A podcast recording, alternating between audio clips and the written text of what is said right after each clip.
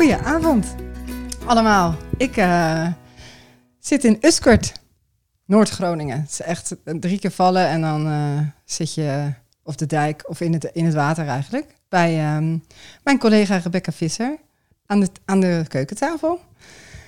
Hoi Rebecca. Hi Joy. Hi. en um, ik heb weer uh, eigenlijk... Wij hebben al eerder aan een tafel gezeten samen over, voor een podcast um, over autonomie. Ja, een paar weken geleden. Een paar weken geleden. Toen was ik in Groningen. Toen was je in Groningen, ja. En toen, uh, daar heb ik zoveel leuke reacties op gekregen. Dat mensen het vooral heel fijn vonden om naar jou te luisteren. nee, maar dat is het echt, uh, dat ze het een hele leuke podcast vonden. En toen heb ik jou ge, uh, bericht met de vraag: heb jij zelf nog ideeën waar wij het over kunnen hebben? Onderwerpen. Ja. En toen kwam je nog wel met een lijstje. Ja, ik heb een hele lijst, hè? Ja, je had een hele lijst. Ja, en ja. Um, een daarvan uh, is uh, schouderdystocie, was schouderdystocie. Dat is ook uh, een van mijn lievelingsonderwerpen, dus daar ging ik ook meteen op aan. wij zijn alle twee verloskundigen, al alle twee in Groningen. Jij provincie Groningen en stad ook, en ik in de stad. Mm -hmm. En we werken alle twee caseload, kleinschalig, ook al een hele tijd best wel.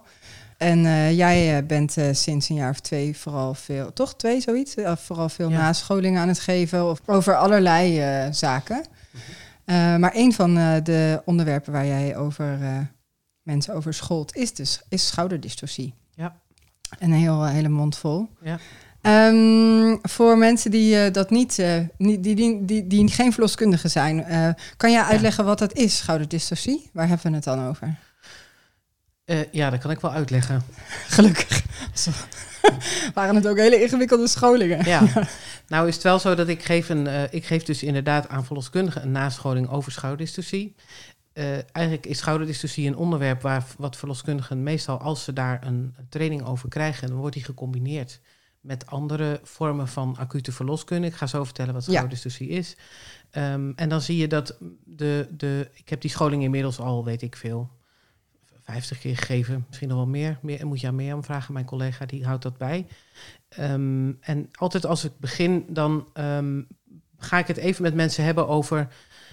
Zijn er hier ook mensen die denken: wat, wat, wat gaan we nou de hele dag doen? Want het is een scholing van zes uur over één topic. En dan zijn, dan zijn ze dus benieuwd. Terwijl als dan de dag voorbij is, dan ja, dan heb ik eigenlijk nog steeds maar, zeg maar de helft besproken van wat ik zou kunnen doen. Ja. Op zich zit er een kop en een staart aan het programma, maar ik kan makkelijk zes uur vol kletsen. Uh, dus een half uurtje wat we nu gaan doen. Ja, dat ze gaan eens kijken of we daar een leuke een, een bloemlezing van kunnen doen. Ja.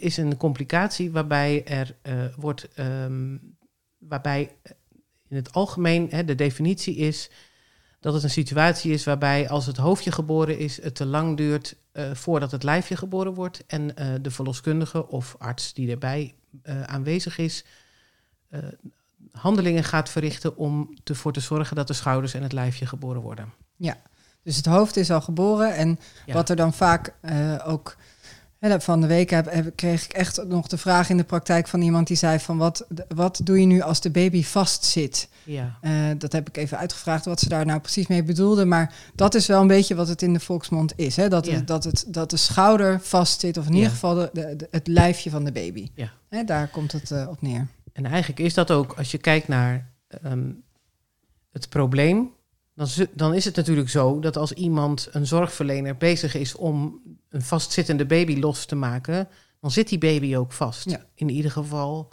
in de beleving van de zorgverlener op dat moment. Ja. En ik geloof ook wel dat het natuurlijk is het ook zo dat er in sommige situaties kan het ook zijn dat een baby hopeloos vastloopt. Shit happens, wel degelijk ook tijdens een geboorte eh, gebeuren er ongelukken. Zeker. Maar het is wel bijzonder als je kijkt eh, naar dit probleem, dat het lijkt eh, alsof, er, alsof het probleem op sommige plekken vaker voorkomt dan op andere plekken bijvoorbeeld. Maar ook dat je ziet dat er zoveel verschillen zijn cultureel in hoe we eh, als verloskundigen een bevalling begeleiden. Ja. Dat je als je verloskundigen spreekt, ik heb collega's die 30 jaar in het vak zitten, zitten en het hele fenomeen schouderdystocie eigenlijk niet kennen. Nee. En die dan zeggen, ja, nou ja, je hebt wel eens dat het een beetje moeilijker gaat, maar een echte schouderdystocie, nee, ik geloof niet dat ik die ooit gehad heb. Nee.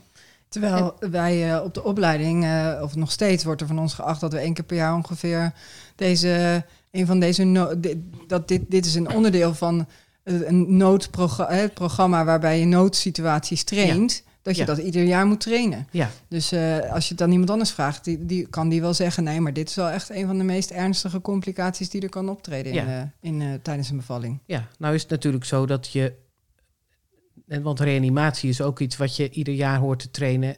En dat is niet zozeer omdat het zo vaak voorkomt, misschien wel in tegendeel. Juist omdat het heel weinig voorkomt, is het iets waarbij je weet van als het je dan gebeurt, wil je wel zeker weten dat je het goede doet. Ja, precies. En dat is misschien met schouderdystocie ook het geval. Hè, dat je dus wel degelijk ziet van ja, je hebt bepaalde handgrepen die je kunt uitvoeren, die wel degelijk grote risico's met zich meebrengen voor zowel de baby als voor de moeder. Dus dan wil je wel de schade zo beperkt mogelijk houden. Ja, ja.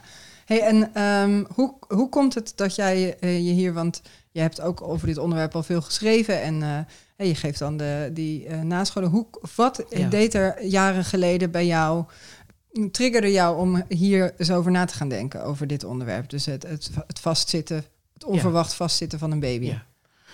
Eigenlijk een paar dingen.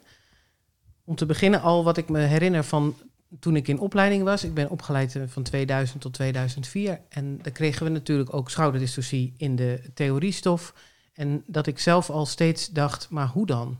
als het gaat over het vastzitten van een baby, er is een soort theorie dat de, dat de schouder van de baby vast komt te zitten op het schaambod van de moeder ja. aan de binnenkant.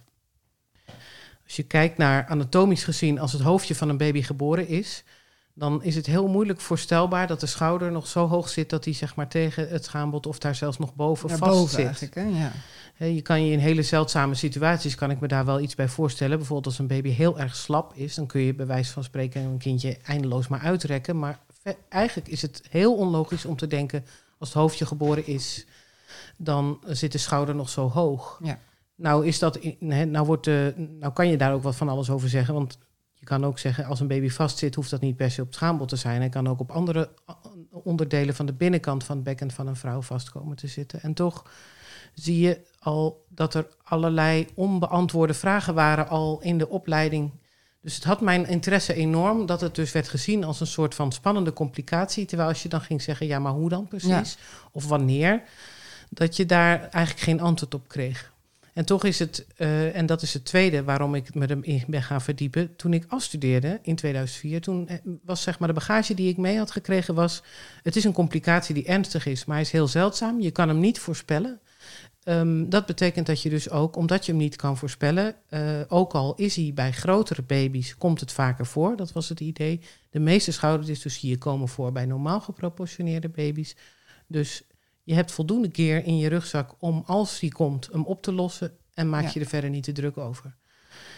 En dat is in de. Succes ermee. Ja, nou ja, maar dus ook, ik was er helemaal niet bang voor. Nee. Niet dat ik hoopte dat ik er een ging krijgen, nee. maar. maar uh, je dacht wel, nou. Ja, maar ik zag er ook goed. niet tegenop. Nee. Ik dacht, ik heb het helemaal niet, nooit gezien als iets waar ik voor zou moeten vrezen. En de praktijk bleek veel weerbarstiger. In de eerste jaren dat ik aan het werk was, viel het allemaal nog wel mee. Maar op een gegeven moment had ik voor het eerst een cliënte die een schouderdystocie had gehad bij een eerste bevalling. Mm -hmm daar ontzettend uh, een, een, een, nou, een, een, hele traumatische ervaring aan had overgehouden. Voor haar was een soort hel losgebarsten op een gegeven moment. En zij was uh, zo bang voor de volgende bevalling. En als je haar dossier las, dacht je, nou, ik snap eigenlijk niet zo goed wat hier nou gebeurd is. Nee. Het was, uh, de baby had eigenlijk ook een goede start. Ja. Wat ik heel onlogisch vind. Want als een baby hopeloos. Nee, nee, terwijl als een baby hopeloos vastzit, dan zou je toch verwachten dat je dat op zijn minst aan de conditie van de baby bij de geboorte zou moeten merken. Deze baby had gewoon een normale APCAR-score, uh, maar had wel een, uh, een, een gebroken arm. En, de, de, en toen ging ze voor consult, ook omdat ze zo getraumatiseerd was. Ze ging met de gynaecoloog praten en die raadde haar direct aan om een keizersnede te doen bij de volgende bevalling. Ja, dat was zijn advies. Dat was haar, advies. haar advies. En Um, toen ging ik kijken of ik daarover kon praten. En toen ging meteen de deur dicht. Dat ik dacht: hé, hey, wat gek, ik ben hier, ik stuit hier op iets. Want ik vond het eigenlijk zo zonde. Ik dacht: dit moet echt nieuwe rondes, nieuwe kansen zijn voor deze vrouw. En dat was het niet. Het is zo ingewikkeld, want als je als zwangere zoiets meemaakt en een, uh, en een gynaecoloog, overigens met alle respect hoor, voor de, het gaat me er niet om dat, dat, ik, dat ik daar kritiek op heb, op op dat advies. Toen nee, nou ja, behalve dat ik dus inderdaad me wel afvraag van waar komt dat advies nou vandaan? Want is dat nou, hè, ik heb dit zo nog niet meegemaakt. Ik kende dat helemaal nog niet. Dat dat uh, zo um, werd geadviseerd. Inmiddels weet ik dat, eh, dat als, een, als er sprake is van restschade bij een baby, dat er inderdaad vaak laagdrempelig een keisnede wordt geadviseerd. En toch, toen ik me ging verdiepen in het fenomeen, toen kwam ik op, een, op allerlei vraagstukken waarvan ik nog steeds denk, nou, het is raar dat we in Nederland daar niet eerst naar zijn gaan kijken voordat we dit advies zijn gaan formuleren. En een van de dingen waar ik bijvoorbeeld toen achter kwam, is dat als je kijkt naar internationaal, dat je maar één landje naar het westen hoeft te gaan, namelijk Groot-Brittannië. En de hele bevalcultuur rondom de geboorte van het hoofdje en het lijfje is totaal anders. Ja. Nou, volgens mij weet jij daar wel iets van. Ja, nou ja, ik uh, uh, ben uh, hier in Groningen opgeleid en was vers van de pers en ben naar Nieuw-Zeeland vertrokken om daar te werken. En ja, ik heb dat, ja, dat klinkt ook zo stom, maar ik heb gewoon nooit zo heel goed ik bedoel, als je student bent en je leert van hoe moet je nu uh, het best een baby uh, geboren laten worden hè, en hoe kan je het best een vrouw coachen, dan is dat natuurlijk in een boek vrij makkelijk. Hè, dat je dat, dat, eerst moet het hoofd rustig geboren worden om, om de kans van inscheuren en zo, uh, zo klein mogelijk te houden. En dan, nou, dan leer je hoe je dat hoofd moet omvatten en dan vervolgens de, de rest van de baby te ontwikkelen met ehm, lege artis, zoals ze dat mm noemen, zoals, we dat, uh, zo, zoals je het geleerd hebt. Uh, maar ja, ik ben dat toen al vrij snel, ja, niet dat ik dat, dat, ik dat ben vergeten, maar ik ben gewoon gaan doen um, wat de rest van mijn collega's ook deed daar in Nieuw-Zeeland. En na Nieuw-Zeeland heb ik in Australië en toen nog uh, een tijd in Londen gewerkt. En da daar was dat allemaal ging het zoals het ging. En ik heb eigenlijk nooit nagedacht over, jeetje, dit is anders dan ik het op school heb geleerd. Omdat ik heb het op school maar ja, zo, vaak geleerd. Of zo, zo e-, eventjes, ik heb het wel goed geleerd, maar in verhouding met de hoeveelheid bevallingen daarna in andere landen en, en de kilometers die ik heb gemaakt, viel dat een beetje naar de achtergrond. En werd mijn best practice, gewoon wat ik deed, was wat ik daar leerde. Ja. En toen kwam ik weer in Nederland na een aantal jaar. En toen uh, uh, begonnen we het over dit fenomeen te hebben. En toen dacht ik, oh ja, ja, en wanneer traint dat ook weer op? Ja, en toen ging ik over nadenken. En toen, toen pas viel het kwartje, echt jaren nadat ik afstudeerde, uh, afgestudeerd was, dat um, de manier waarop ik het ooit geleerd had anders was dan dat ik nu een baby geboren zag worden. Ja. Um, en dat, dat was ontzettend fascinerend, omdat uh, in het kader van het blijven hangen van de rest van de baby na de geboorte van het hoofd, um, ja, dat, dat, dat, heb ik gewoon in al die jaren haast niet, of nee, heb ik gewoon niet gezien in uh, Engeland en uh, in Nieuw-Zeeland. En um, dat, dat komt echt omdat je, dat ze het daar, de, geboorte van het hoofd van de baby anders benaderen dan uh, hier in Nederland. en wat, je, wat ik leerde was als de baby's hoofd geboren is, dan daarna moet je de rest ook snel geboren laten worden. En in al die andere landen uh, wordt het hoofd geboren en dan wacht je op de volgende wee die komt.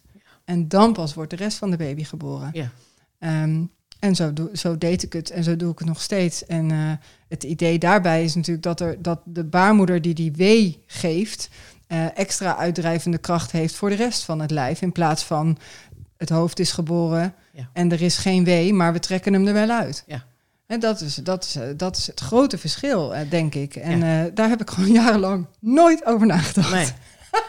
ja. En dat is, dat is eigenlijk, ja, ik bedoel, jij, gaat, jij lacht erom en dat vind ik dus ook. Nou ja, ik vind het wel ook een beetje dom van mezelf dat nou. ik daar nooit over. Nee, nee maar zo was het gewoon. Zo was het gewoon. Ja. Ik, uh, ja. ik denk ook dat dat, hè, je zult dus ook in je opleiding niet een of andere dramatische schouwdiscussie hebben meegemaakt. Of, of niet op zo'n manier dat je er dus. Uh, nou, ik heb het wel heel goed onderwezen gekregen. Ja, maar dat is toch wat anders dan wat je in de praktijk ziet. Hè? En als je dus inderdaad in de eerste jaren je eigen praktijkervaring opdoet, ja. dan kijk je toch de kunst af van ja, de cultuur waar je werkt. Ja. Um, en dat, dat heb ik dus ook. een van de dingen die ik, waar ik achter kwam, was dat met name inderdaad. Er werkt hier best in ons land best veel in Groot-Brittannië opgeleide verloskundigen. En die hebben dus deels verhalen, maar bijna altijd gaat het dan zo dat ze zeggen dat ze ontzettend op hun donder kregen als ze het in eerste instantie deden zoals zij het in Groot-Brittannië geleerd hadden. En dat is dus inderdaad dat je helemaal niet bezig bent met legerartis ontwikkelen. Nee. En je bent dan dus wel bezig met het coachen van een vrouw door het laatste stukje heen. En vaak is de geboorte van het hoofdje van, van de baby is niet het, het tofste moment voor een vrouw. Dat brandt Nee. nogal. En dan ben je er dus aan het geruststellen dat dat zo voorbij is. Dan eh, zie je ook dat het bijna altijd zo is dat vrouwen zelf ontzettende behoefte hebben, zodra ze een wee hebben, om dat hele hoofdje naar buiten, te werken. En dan is er even rust. En dan eh, is er als het ware ook, hè, er is ook een, een term voor in, eh, in het Brits of in het Engels die wij niet eens hebben, dat is restitution.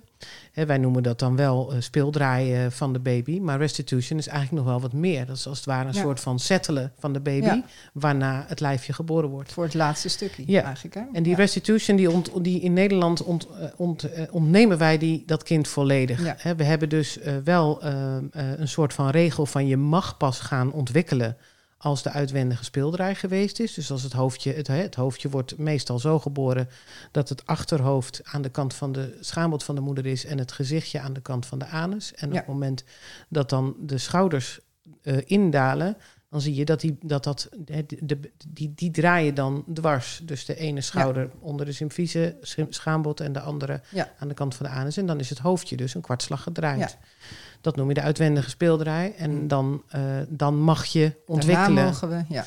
Dus dan wordt het hoofdje gepakt en dan wordt het een beetje omhoog Ja, en omlaag gedrukt. Maar, en ho- hoe je het leert is dat dat helemaal los staat van of er weeën aan de gang zijn of niet. Oh, ja, Dus, of we- tenminste, We houden ons een beetje voor de gek. Want wat we dus in Nederland doen, en dat is dus het grote verschil met in Engeland. In Nederland leren we studenten aan dat het een kunstfout is dat het hoofdje van de baby aan het einde van de weeg geboren wordt. Ja. Dus desnoods hou je met je hand het Wacht hoofdje je? tegen. Je spoort een vrouw aan, vooral om te zuchten, omdat je ziet dat de grootste omvang van het hoofd moet aan het begin van de weeg geboren worden, zodat je nog wee hebt voor de schouders. En netto kost het dus evenveel tijd. Want Ja. als je dat hoofdje tegenhoudt in die wee, Ja. als die anders eruit geplopt was, had je ook op de volgende wee gewacht. En nu wacht je op de volgende wee met het hoofdje Ja, vrij hoog. alleen is het natuurlijk, dat is denk of tenminste, eh, als ik me verplaats in mijn, mijn jonge ik en Mhm. op de opleiding of eh, als ik daar lang over nadenk, als er een hoofd helemaal geboren is Ja, eh, en hij hangt eruit tot, eh, tot en met zijn nek. Ja. Eh, en nou, hij is misschien ook wel een beetje blauw, een beetje paars, Ja. zoals een pasgeboren baby oogt, Ja. een beetje verfrommeld. Eh, en je gaat dan, want een volgende wee kan soms wel een minuut of drie, vier duren. Hè? Ja. En we gaan nu drie minuten stil zijn, terwijl je naar een net geboren hoofd zit te kijken. Dat is natuurlijk ongelooflijk moeilijk. Want je denkt alleen maar, nou, eruit ermee, kom maar op. Of zo, hè? Zeker als je denkt, ik wil wel, ik ben verantwoordelijk voor dat het goed gaat met die baby. Ja. Dus dan kan hij better out than in. Ja, dat is dus, dat, dat is, fascinerend, toch? Want waarom is dat voor de eh, Nederlandse verloskundigen zo moeilijk? En bijvoorbeeld ook voor Amerikaanse verloskundigen. En voor de Britse verloskundigen is dat helemaal geen issue. Nee, maar dat is natuurlijk gewoon maar net wat je aange- Ja. aangeleerd is. En Ja. voor ons is dat, dat is ook het moeilijkste van, hè, want ik heb dus toch, ik ben een beetje, mijn ambitie is vooral, ik geloof dat ik al heel erg gelukkig ben als ik er een bijdrage aan kan leveren dat de Nederlandse bevalcultuur in dit opzicht verandert. Ik denk namelijk inmiddels, als ik gewoon kijk naar alles wat ik eh, aan onderzoek daarnaar heb gedaan, en dat is best veel. Ik heb een soort van poging gedaan om alles wat er gepubliceerd is over schouwdystorsie op te sporen en te lezen. Ja. Nou, dat is niet gelukt, want er is Zoveel. Nee, dat valt wel mee. Het is niet eens zo heel veel, maar er is wel heel veel van hetzelfde. Ja. En ik weet niet of je wel eens onderzoek gelezen hebt, maar het is meestal geen proza. Soms is het is ontzettend saai. Nee. Ze pra- mensen praten elkaar ontzettend na. Het is dus, wat je ziet, is ook in de, in de hè, door, als je kijkt van de 20e eeuw. Aan het begin van de 20e eeuw wordt er ook al wel degelijk iets gepubliceerd over schouwdystorsie. Dat heet het vaak dan nog anders, maar, wel, maar dan zie je nog dat het als een, ja, als een soort van eh, eh, matter of fact wordt gebracht. Van nou, dat is heel zeldzaam, soms gebeurt het, dit moet je doen.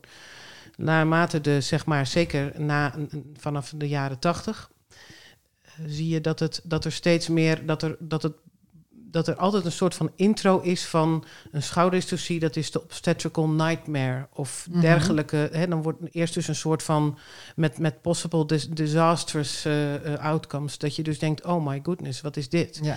Er wordt een bepaalde toon gezet. Ja. En, eh, en, en dat is, dus op, vind ik dat op zich al heel interessant om dat te zien. En Van, kwam niet dan, dan? ook in die tijd meer voor, denk je? Het, is, het lijkt dat daarop dat het vanaf de jaren tachtig meer, ik zeg maar wat hoor, Ja, al- meer al, waren? al eerder, Ja. Al, vanaf de jaren zeventig. Ja, maar dat komt natuurlijk gewoon dat er steeds meer vrouwen op een bed gingen bevallen, toch? Dat je, Nou, ik denk dat het vooral komt omdat er gestopt is met wachten op de volgende week. Ja? Ja. De, dat, de bed, het bed speelt natuurlijk ook mee. Ja, dus de houding waarin je bevalt. Ja. Ja, Als, als een vrouw plat op de rug ligt, dan is het natuurlijk zo dat het, dat, of natuurlijk, maar dan is het wel degelijk zo. En dat, maar dat voert misschien wat ver. Maar je hebt als je bevalt. Eh, wat wij nu missen aan kennis, is kennis die er wel is, maar die er niet in de algemene reguliere kennis is, is over hoe het bekken van een vrouw zich gedraagt als ze bevalt. Het bekken van een vrouw is eigenlijk heel bewegelijk, met name aan de achterkant. Dus Ja. haar SI-gewricht, het stuk aan on- haar sacrum, onder haar, eh, eh, haar onderrug, daar zit enorme bewegelijkheid. En die bewegelijkheid heeft ze maar altijd, altijd nodig op het moment dat de uitdrijving begint. En dan zie je dat op het moment dat een vrouw eh, zegt, eh, aangeeft dat de baby eraan komt, dat, ze, eh, dat, dat, dat dat deel meewerkt met de geboorte van de baby. Als je iemand op haar rug legt, kan nou is op zich het lichaam van een vrouw zo geniaal dat de meeste vrouwen het ook op hun rug nog wel kunnen. Maar dit klinkt trouwens wel een beetje Bevallen, ja, bevallen hebben. Ja. uiteraard. Sorry. Ehm, maar dat, maar dat als je kijkt naar de, de natuur, en dat bedoel ik niet zeg maar een, een, een natural childbirth romantiek, maar gewoon hè, als je kijkt naar de menselijke soort als een van de vele soorten, als Mhm. zoogdier. Wat het spontane gedrag is van een menselijke soort als ze bevalt, dan zie je dat vrouwen zelden op hun rug zullen gaan liggen. Tenzij ze daarop gesocialiseerd zijn. En dat ze dus, ik, eh, en ik vind dat zelf echt fascinerend. Ook, ik verzamel foto's daarvan. De, hele, de meest typische houding voor een vrouw die bevalt is heel asymmetrisch. Eén been, één geknield en eentje gehurkt. Ja. Ehm, waarbij ze dus een soort schuine houding aannemen. En ehm, als ze dat doet, dan maakt ze maximaal ruimte. Zowel kan ze combineren de ingang van het bekken, maar vooral ook de uitgang van het bekken. En dan is volgens mij een schouderdystocie eigenlijk een theoretisch probleem. Tenzij er andere problemen zijn met een baby. Ja. Eh, bijvoorbeeld als een baby het ontzettend benauwd heeft, wat heel zeldzaam is, maar soms gebeurt. Hè, als een baby echt helemaal niet meewerkt, Nee. dan, zie je, dan kan het moeilijk zijn. Maar dan is er dus meer aan de hand. Ja. En ik denk dus zelf inmiddels ook dat, een, dat we het in dat opzicht ook ehm, als het ware een, eh, dingen verkeerd gekoppeld hebben. Vaak wordt er nu gedacht, een baby komt ontzettend slecht ter wereld omdat er een schouderdystocie was. Terwijl inmiddels denk ik dat het vaak omgekeerd is. Dat er een schouderdystocie is omdat de baby in een slechte conditie is. En als je andere dat Ja. heeft bijvoorbeeld. Hè? Dat die, ja, en als je het zo gaat verhoudt. benaderen, krijg je ineens ook een hele andere definitie van het probleem. Ja. Ehm, maar maar dat, is, hè, dat, dat gaat dan over de pathologie. Terwijl als het dan gaat over hè, de, de, hoe vaak een schouderdystocie voorkomt... en hoe vaak wij dus eigenlijk onbedoeld door onze bevalcultuur hem creëren... dat is tien keer over de kop. En, dat, en dan komt dat waarschijnlijk toch echt omdat we te veel aan het hoofd zitten. Absoluut. Ja. Nou ja, omdat we dus inderdaad een, een, een te... We, we dichten onszelf een hele belangrijke rol toe op een moment waarbij we eigenlijk zelf eh, zelden nodig, Nodig, zijn. Want ja. als een vrouw zover is dat ze, dat ze zover is dat ze dat hoofdje naar buiten kan krijgen, dan heeft ze ons, eh, dan heeft ze ons om te coachen Nee. nodig, maar niet. eh, en, en dat is natuurlijk toch. Onze, onze, handen in ieder, onze handeling Nee. in ieder geval niet. Nee. En het, het lastige is natuurlijk dat er zoveel mee samenhangt. Want we hebben nog allerlei andere dingen. Hè. We vinden het tegenwoordig ook ontzettend belangrijk om het perineum van een vrouw te zien. Dus de spieren tussen Ja. de vagina en de anus. Omdat we denken van nou, dat moet, hè, dat, dat moet eh, ge- gecoacht worden. En dat, ja, da- daarbij zie je dat we met, op allerlei manieren heel erg gefocust zijn op dat wij als het Ja. ware degene zijn die dat moeten doen.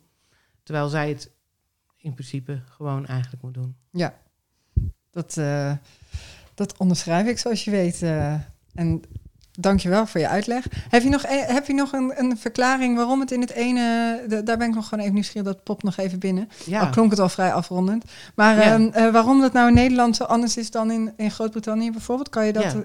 Ja, ik denk, ik denk dus dat dat super interessant is, omdat je dan gaat het echt over, uh, uh, over de eeuwen heen, de, het ontstaan van de, op, van, van de obstetrische cultuur. En dat je twee stromingen had, eigenlijk tot ver in de 20e eeuw. De ene is vanuit Groot-Brittannië en ook nog wel een beetje vanuit Europa. En de andere is vanuit de Verenigde Staten. en in de Verenigde Staten had je een aantal gynaecologen. Joseph de Lee was er één. Nou, die, uh, mensen die daar iets van weten, die kennen hem wel. Williams was een andere. Williams heeft een beetje gewonnen. Dr. Williams heeft een boek geschreven, Williams Obstetrics. Dik een boek. Heel dik boek. ja. uh, alle verloskundigen uh, kennen dat boek en doen het op een gegeven moment ook weer weg, want je leest er nooit nee. in. Nee. Te dik. te dik. Oké.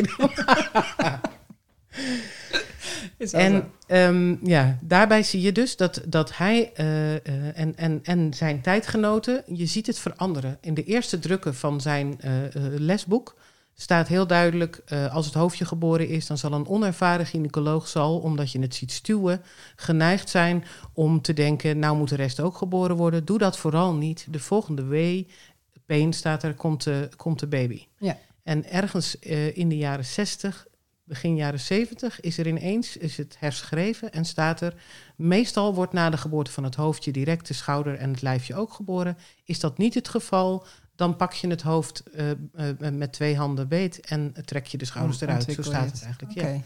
En dat valt perfect samen. Dat is dus hè, jaren 1965 is die druk, geloof ik. En daarna zie je het schoudersdyssocie-incidentie vertienvoudigen. Het zal met meer dingen te maken hebben, maar ik denk echt dat dit, dat dit dus historisch gezien, hè, we hebben eigenlijk de Amerikanen hebben gewonnen, ja. medisch gezien. En dat zie je ook internationaal. Hè, de, de Amerikaanse, uh, uh, in, in, de internationale medische community is ja. wat uit de VS komt, wordt over het algemeen heel hoog ingeschat. En dat ja. hebben wij hier in Nederland dus kennelijk ook gewoon. Ja, we zijn die Williams gaan liefhebben. Ja. ja. Nou, interessant. Uh materie, uh, Rebecca. Dankjewel. Gedaan. Tot uh, de volgende ronde wellicht. Oh, thanks. Zou ik leuk vinden. Ja, Doei. ik ook. Doei.